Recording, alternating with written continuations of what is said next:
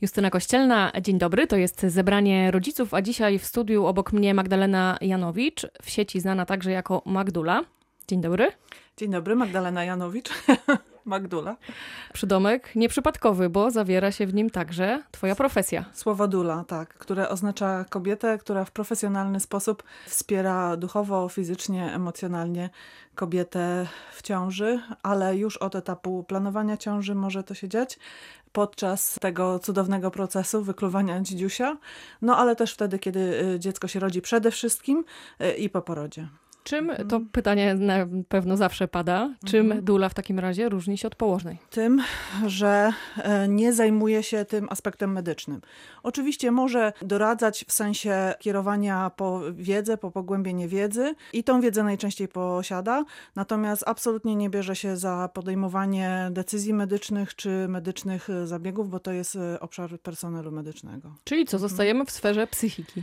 Psychika, ale też e, wsparcie fizyczne, dlatego że dula często masuje, pomaga ulżyć w bólu i cierpieniu, podaje wodę, czy robi cokolwiek, co może e, kobietę w ciąży wzmocnić. Czasami trzyma ręce przy sobie w momencie, kiedy jest e, faza taka, kiedy pani, której proces porodowy się dzieje, potrzebuje zająć się sama sobą również fizycznie, no to wtedy po prostu jest i czuwa i jak to mówią terapeuci, stwarza przestrzeń.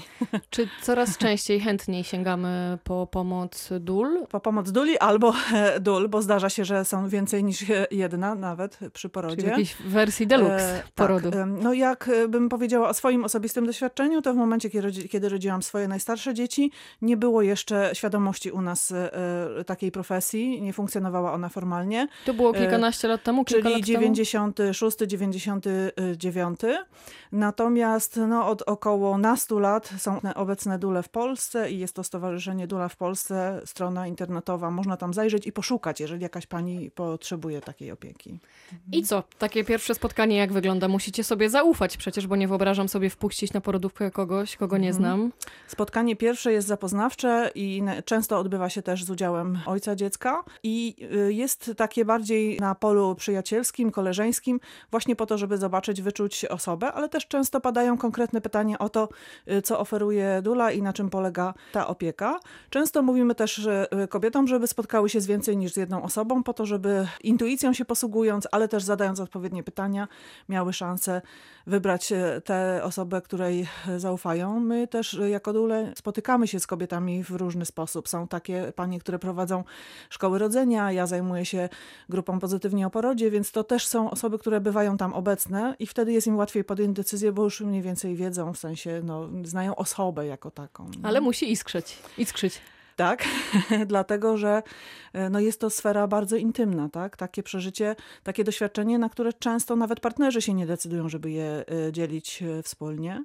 Ale tu jeszcze do poprzedniego pytania dodam, że sama obecność duli nie polega tylko na tym, że idzie z kobietą do porodu, ponieważ zaczyna się od spotkań przedporodowych, które również służą temu, żeby się poczuć ze sobą lepiej, żeby rozpoznać potrzeby kobiety, żeby zaplanować na przykład przygotowanie wyprawki, ale przede wszystkim pomóc w stworzeniu planu porodu, który później przyda się na porodówce.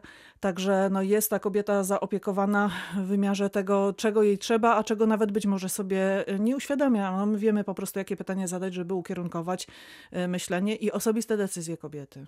A z jakimi obawami kobiety najczęściej idą do porodu? Mierzą się w, w trakcie trwania ciąży i później właśnie? Boją się porodu, boją się bólu najbardziej. To jest jakoś zakorzenione, mam wrażenie, w nas głęboko. Tylko I... w naszym społeczeństwie, czy w ogóle na całym świecie kobiety boją się jest porodu? Jest bardzo. E, w naszym społeczeństwie przede wszystkim. Myślę, że tutaj duża rola, rola mediów, no może niekoniecznie radio, ale przede wszystkim e, telewizja czy prasa, e, tworzą taki obraz porodu postrzeganego jako straszne wydarzenie, dramatyczne, szybko przebiegające i przede wszystkim takie, gdzie kobieta traci kontrolę.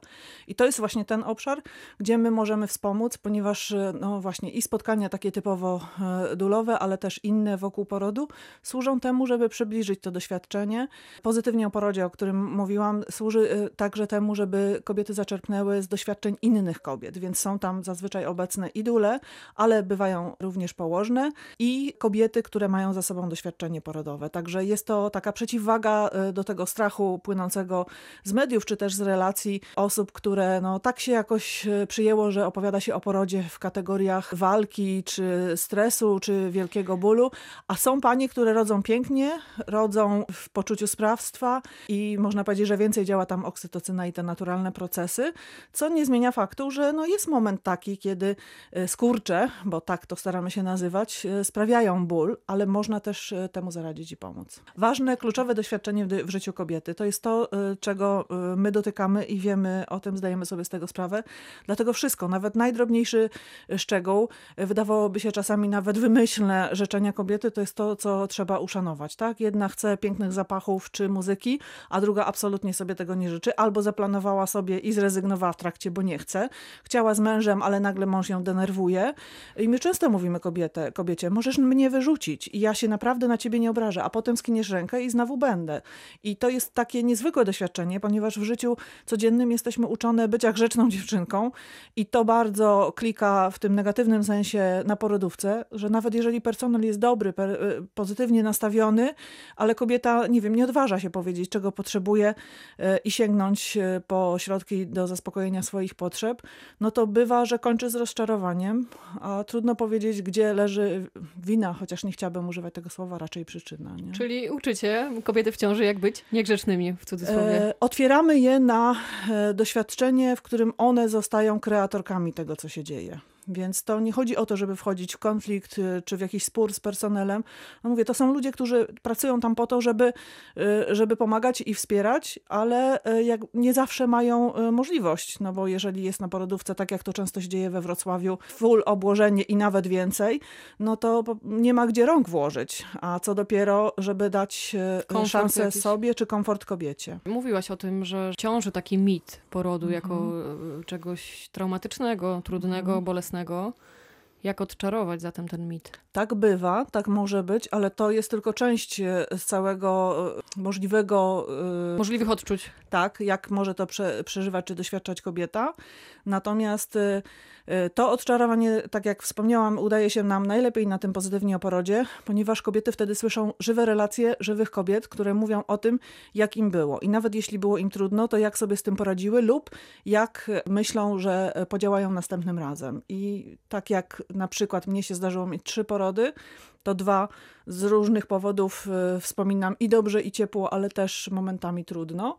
Tak do trzeciego doświadczenia, również dzięki tym poszukiwaniom dulowym i wsparciu koleżanek, chociaż nie miałam duli przy porodzie, udało mi się przygotować tak, że mogę powiedzieć, że miałam poród taki, jaki, jakiego chciałam y, i jaki sobie wymyśliłam i wymarzyłam. I w momencie, kiedy kobieta mówi o takim doświadczeniu, to otwiera się bardzo serce i droga kobiety do tego, żeby również y, odzyskać poczucie wpływu, sprawstwa i y, mocy. Ale to dotyczy, no mówię, drobiazgów czasem, takich typu świeczki, muzyka i tak dalej, ale również wyborów, które mogą zdecydować o jakości doświadczenia porodowego, czyli przede wszystkim miejsce, w którym to się wydarzenie ma zadziać, co tak jak wspomniałam bywa trudne we Wrocławiu w momencie oblężenia szczególnie, na przykład latem.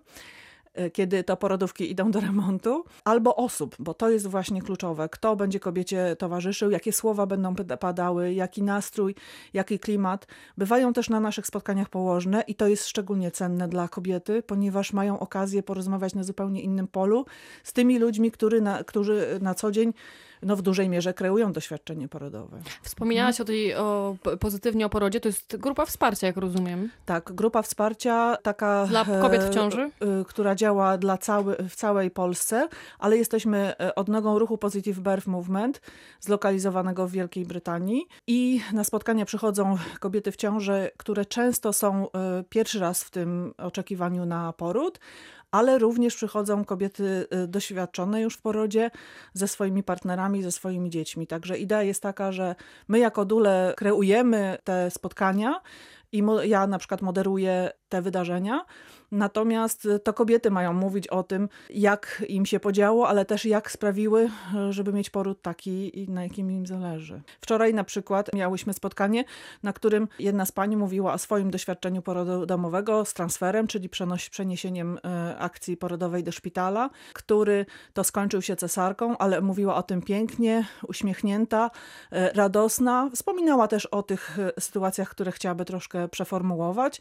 No ale clue było takie, że na podsumowanie jedna z uczestniczek powiedziała, słysząc coś takiego, wiem, że można mieć również pozytywną cesarkę. Cieszę się, że tutaj jestem, że mogłam usłyszeć to w taki sposób. Wspomniałaś, o to też właśnie chciałam zapytać, o porodzie domowym. Tutaj w Mhm. tym przypadku, o którym e, mówisz, zakończył się cesarką, tak, e, w szpitalu. Mhm. Czy poród domowy to jest opcja, którą, po którą e, sięgamy częściej ostatnio? Poród domowy nie jest dla wszystkich. Jeżeli kobieta czuje się bezpiecznie z myślą o tym, że ma pełną obsługę y, i możliwość zaopiekowania także dziecka, jeżeli sytuacja tego wymaga, to najlepszym rozwiązaniem jest dla niej szpital. Natomiast są kobiety, którym zależy na tym, żeby to doświadczenie porodowe przebiegało przy zminimalizowanych zabiegach medycznych. I wtedy jest to cudowne rozwiązanie. Zaprasza się do porodu wybraną położną i też towarzyszą osoby te, które chcemy, żeby były, czyli najczęściej partner, bywa żedula. E, Dzieci bywają, e, choć to też zależy, e, jak e, kobieta się czuje, bo czasami nie chce, żeby coś angażowało jej uwagę, chce poświęcić się temu procesowi ważnemu, który dzieje się w jej ciele. No, ale Asystowałaś w takich porodach? Czy jeszcze nie? moje najmłodsze dziecko urodziło się w domu i było to wspaniałe doświadczenie dla mnie, takie, które pomogło mi odczarować porody poprzednich dzieci, gdzie czułam się w dużej mierze. Mm, zmierzczona czy ograniczona przez instytucję szpitalną. Natomiast byłam również e, przy porodach e, w domu, kiedy to miałam okazję obserwować, jak e, szczęśliwe to jest wydarzenie dla rodziny i jak zupełnie inna jest wtedy rola położnej, która no, można powiedzieć, że jest królową całego procesu, tak? W tym sensie, że najważniejsza jest kobieta, natomiast położna może też pięknie rozwinąć swoje działania adekwatnie do całej sytuacji. Jest to niezwykłe doświadczenie. Temat zapewne na osobną audycję i na pewno będziemy do niego wracać jeszcze. Kiedyś. Magdalena Janowicz, Magdula, bardzo dziękuję za spotkanie. Mhm. Dziękuję również. Do zobaczenia, być może. Pytała Justyna Kościelna, do usłyszenia.